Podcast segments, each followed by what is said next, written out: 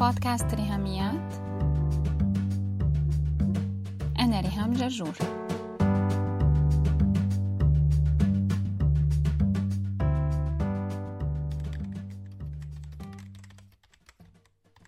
In this age of so much free information, ignorance is a choice. مرحبا. بعصرنا هاد اللي مليان معلومات متاحة مجانا. صار إنه الواحد يضل جاهل هاد خياره الشخصي بكامل إرادته.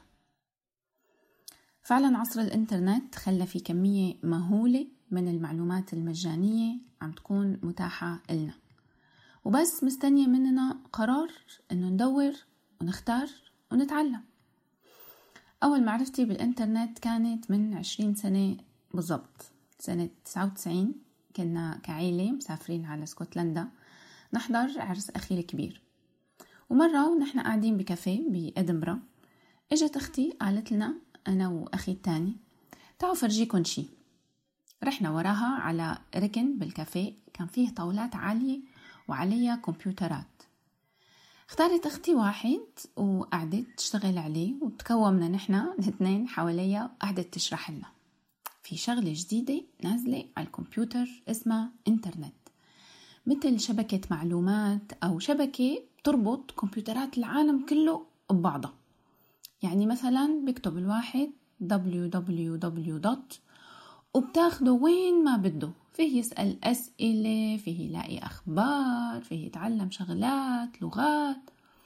طبعا أنا وأخي كنا وقتها عايشين بسوريا وما كان في نت.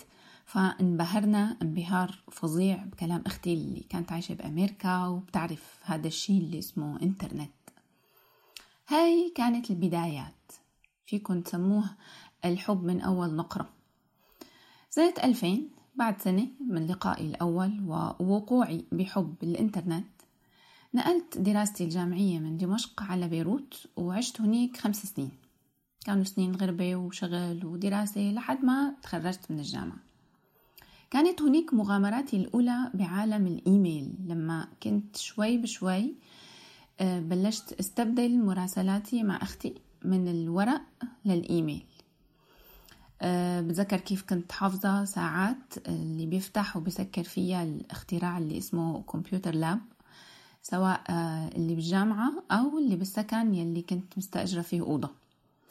كنت محتاجة ال computer lab مو بس مشان الإيميل كمان لحتى أعمل أبحاثي وسلم الورق وشغل الجامعة على اختراع اسمه PowerPoint كنا لسه وقتها عم نكتشفه. والدكاترة طالبين تسليم الأبحاث presentation وسلايدات. فكنت روح على بين محاضراتي وساعات الشغل روح على ال computer lab وأقف على الباب. طلعت على القافية الله يعطيني عافية. كنت روح على ال computer lab وأقف على الباب لحتى يفتح.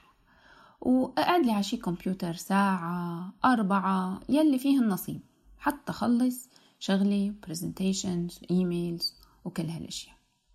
ما حدا علمني شي ولا كان معي مصاري سجل كورس كمبيوتر. يا دوبك شغلي كان بكفي مصروف الأكل والمواصلات بغلاء المعيشة بلبنان.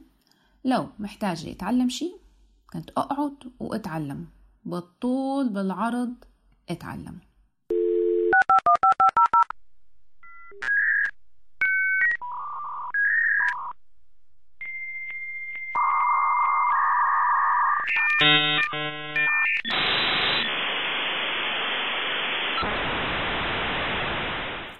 اشتقتوا له لهذا الصوت؟ يلي فيكن مثلي مواليد سنة 79 أو قبل شوي أو بعد شوي بتعرفوه أكيد ومتخيلين قديش الدنيا صارت أسهل وأسرع. هلأ مع التابلتات وشاشات ال touch وعالم الواي فاي يلي حاطينه بجيبتنا حرفيا. هلأ شو علاقة المعلومات المجانية على الإنترنت مع عنوان حلقة اليوم؟ أميرتي الصغيرة. العلاقة هي فكرة. لما على النت الواحد بيصادف فكرة بتكون يا فكرة جديدة أول مرة بيسمعها يا فكرة قديمة بترجع له ذكريات من زمان أو بيقدر يلبسها توب جديد لما زارته نفس الفكرة القديمة لكن بعد سنين طويلة. الفكرة يلي أنا صادفتها مؤخرا كانت فكرة قديمة بس لبستها توب جديد سميته أميرتي الصغيرة. هالفكرة فتحت عندي جرح قديم كنت نسيته. وبعد سنين لقيت حالي من أول وجديد عم شوفه قدامي.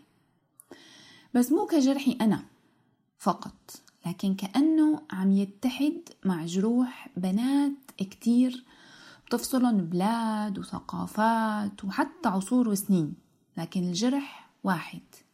وهي هي الفكرة الخطيرة أميرتي الصغيرة.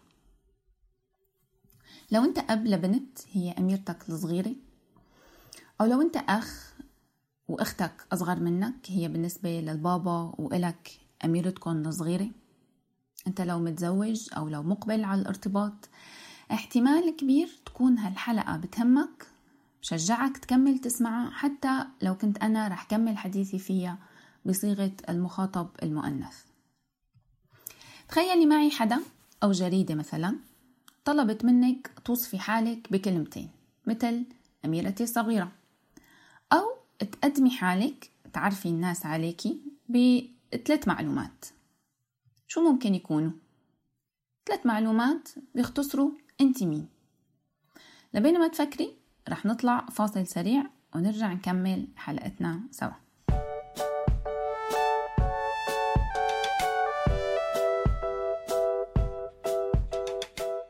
رح نكمل نشجع بعض على التدريب اليومي. نزلي صورة دفترك حطيها على الفيسبوك بإعدادات public حتى نقدر كلنا نشوفها.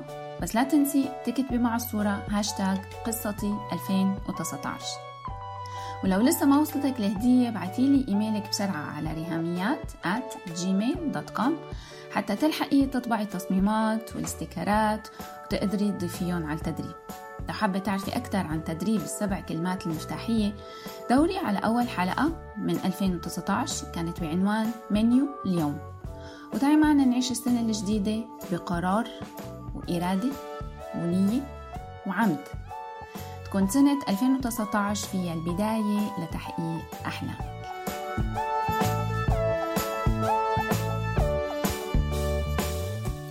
خلال 2018 تعرفت على شخصيتين كنت بعرفهم معرفة سطحية من قبل.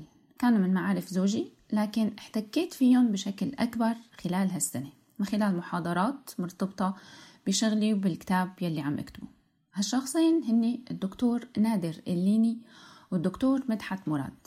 يمكن أسمائهم ما تكون معروفة عند معظم المستمعين بس بمصر لهم فضل كبير على مئات الأشخاص سواء من خلال شغلهم بالطب أو نشاطهم بفعاليات تدريبية ونشاطات المجتمع المدني المختلفة بمصر.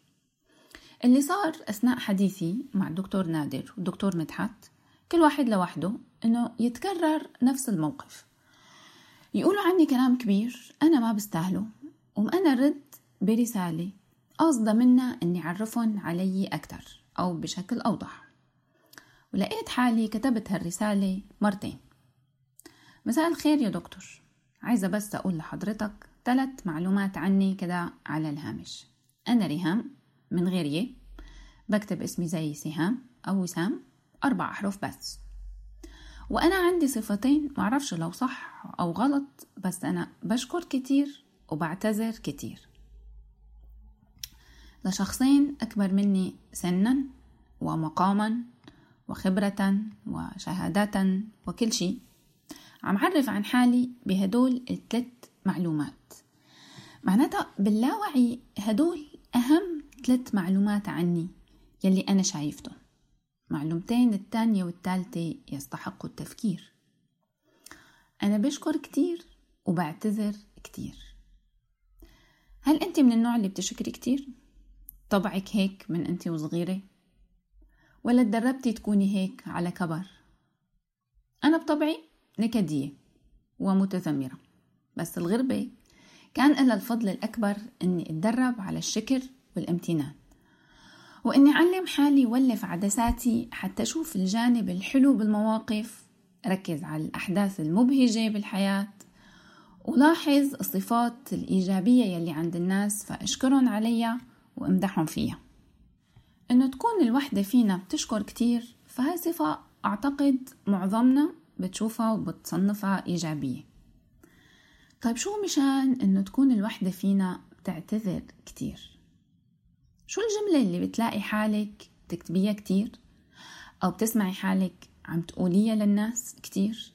أو عم تقوليها بسرك جوات راسك بدون ما حدا يسمع أو يعرف. بس هي هي نفس الجملة. بعتذر أنا آسفة لأني تصرفت هيك. بعتذر أنا آسفة إني قلت الشي الفلاني. بعتذر أنا آسفة لأني فكرت بالفكرة الفلانية.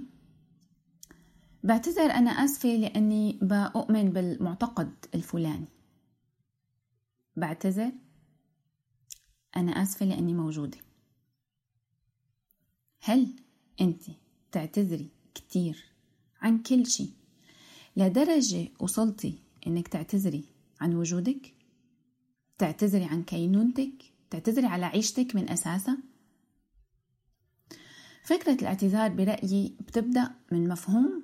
خلينا نحط له عنوان أميرتي الصغيرة تبدأ عند الأنثى من بذرة صغيرة تنزرع بحياتي لما بكون بنوتة أمورة كربوجة حلوة. بس إيا لهالبذرة بدون ما أعرف. بتتغذى بذرة الاعتذار الأنثوية. من المجتمع بدون ما أوعالها بعدين وأنا وكبيرة لقينا بتضخمة وصلت للحالة الخطيرة إني أعتذر لأني موجودة بهذا الوجود. وبالتالي فكر إني أنهي وجودي.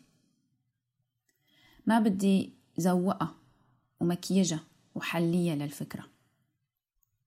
فكر إني أنهي وجودي يعني انتحر. فكر بالانتحار.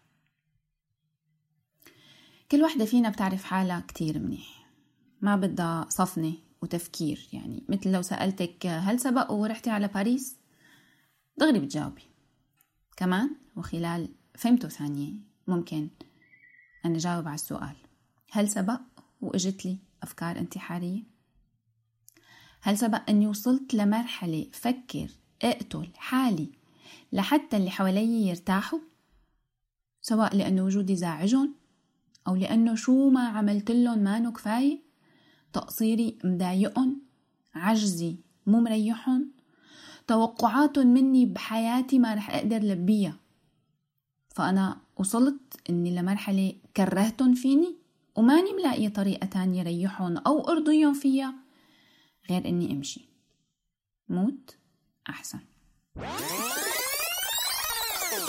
مايا رجعت بشريط الفيديو تبع حياتها لنتابعه مع بعض. شايفين معي مايا؟ بنوتة عمرها سنتين أحلى عمر. أمورة ومهضومة وحكياتها ما أحلاهن ذكية. بتتاكل هي ولابسة فساتين برنسيسات. أميرتي الصغيرة هيك بسميها أبوها. حياتي هالبرنسس ما أحلاها. ليتل برنسس مايا كبرت صارت بالمدرسة ابتدائي. بلشت طباعها تتغير. صارت تعلي صوتها. صارت تتعصب على مسألة الرياضيات. لما يكون عندها هومورك وما عرفانة تحله. صارت بالمدرسة تتخانق مع رفقاتها لما وحدة وقعت لها علبة الأكل على الأرض وتوسخوا السندوتشات ورمتهم بالزبالة. بطل أبوها يعرف كيف يتعامل معها. بتبكي كتير بتحرد كتير بتنق وبتزن كتير بتحكي كتير. هو بيحبها قد الدنيا. بيعطيها عيونه لو يقدر روحه فيها. بس باللاوعي بقاموسه. البنت حلوة بصوتها الواطي مهذبة بخجلها أمورة بسكوتها شاطرة بدرجاتها العالية بالامتحان. ف حتى يعرف أبوها يتعامل معها كان لازم تضل أميرة وتضل صغيرة.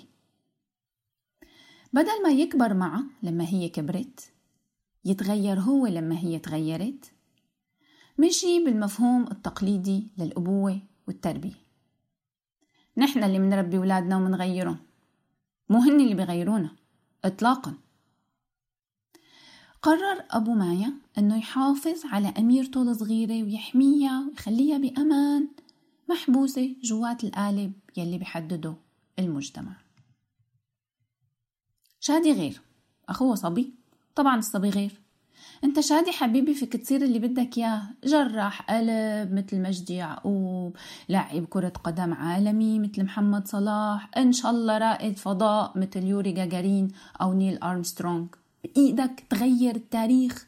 أنت فيك أنت بتقدر غامر حياتي ركض العب اجرح ركبتك طين وجهك بقع ثيابك بس اوعى تبكي. الرجال ما بيبكي. والبنت ما بتطلع رائدة فضاء. يا حبيبتي ليش هيك في غبرة على تنورتك؟ وين الباربي تبعك؟ لبسيها تياب حلوين. تعي نلعب بالعرايس بيت وبيت اطعميهم وتروحي shopping وزيارات. تعي ساعديني بشغل البيت لما تخلصي دروسك. الدراسة مهمة والشهادات طبعا. بكرة بتخرجي من الجامعة وبتلاقي عريس وبتفتحي بيت وتصيري أم تربي أجيال بأقدس رسالة وأسمى وظيفة. بالمراهقة مايا قررت تقص شعرها جارسون. الشعر القصير مو للبنت. هيك كان حكم الوالد. ما رح أقول أب شرقي لأنه في كتير من أبعاد حياة مايا بتصير مع بنات أجانب عايشين بالغرب ونفس العجز الأبوي والحيرة الذكورية بالتعامل مع الأنثى بينتج عنه نفس ردود الأفعال تجاهها نفس الأحكام ضدها ونفس الجمل اللي بتذبح مثل السكين بس كلها بحسن نية. مايا خلصت مراهقة آمنة مشيت الحيط الحيط ويا رب الجامعة. لمي شعرك وطي صوتك. اكتمي ضحكتك. اعتني بأنوثتك. اسمعي الكلام التزمي بحدودك. احتفظي بآرائك لنفسك. شو؟ لحظة لحظة. شو هي آخر وحدة؟ أحلامك؟ اعتذري. هلأ حالا قولي سوري. إيه ها شايفة ما أحلاكي؟ أميرتي الصغيرة. مايا تخرجت من الجامعة؟ واشتغلت بشهادتها؟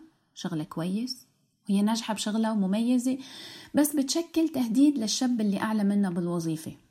اتهمها أنه طمعان بمنصبه بدل ما يطور من حاله هو قرر يحاربها ويكسر مقاديفها.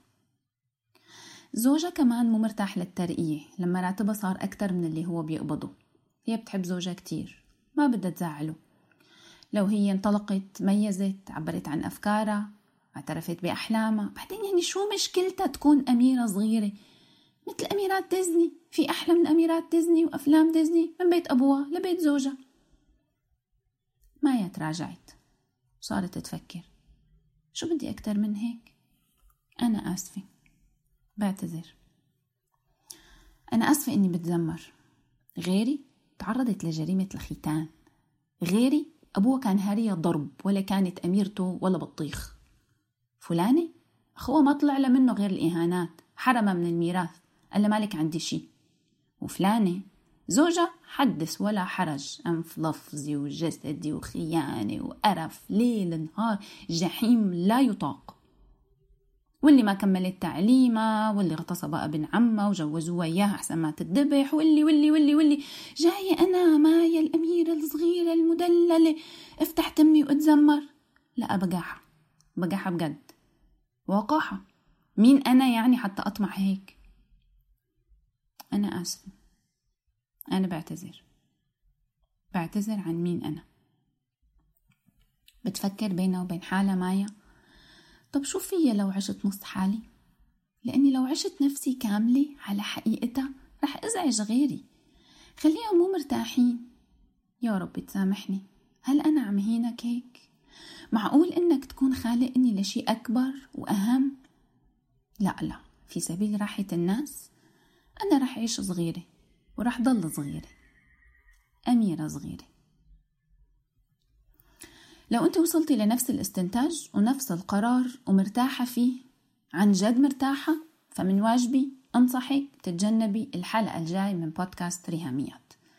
لأنها رح تقلق راحتك رح تزعجك. عن جد بلاها بس لو أنت عم تتخبطي وتصارعي مع هالفكرة جواتك مايا محبوسة جواتك ريهام محبوسة؟ جواتك حطي اسمك أنت بالفراغ. محبوسة؟ حاسة إنه ربنا خالقك لهدف أكبر؟ متأكدة إنه موسم الركود هاد رح يجي بعده موسم تاني فيه انطلاق فيه تحقيق لأمور عظيمة؟ مايا المحبوسة جواتك عم تدق على الباب عم تغني بالعتم؟ عم تقلك اسمعي استغاثاتي عم تترجاكي. تعرفي علي واعترفي فيي. لا تتبرئي مني. آمني بقدراتي يلي الله زارعها فيني. صار لي سنين عم استنى إنك تكتشفيني وتحبيني وتحرريني. لو سامعة هيك صوت جواتك معناتها موعدنا. صباح الجمعة الجاي مع الجزء الثاني من أميرتي الصغيرة والحلقة رح تكون بعنوان روزنامتي الكبيرة. شكرا. لشادي بهاء على ال sound editing لو بتحبوا تتواصلوا معي ممكن تبعتوا لي إيميل على رهاميات at gmail.com r i h a m i a t at gmail.com أو على الفيسبوك تابعوا هاشتاج رهاميات سلامات.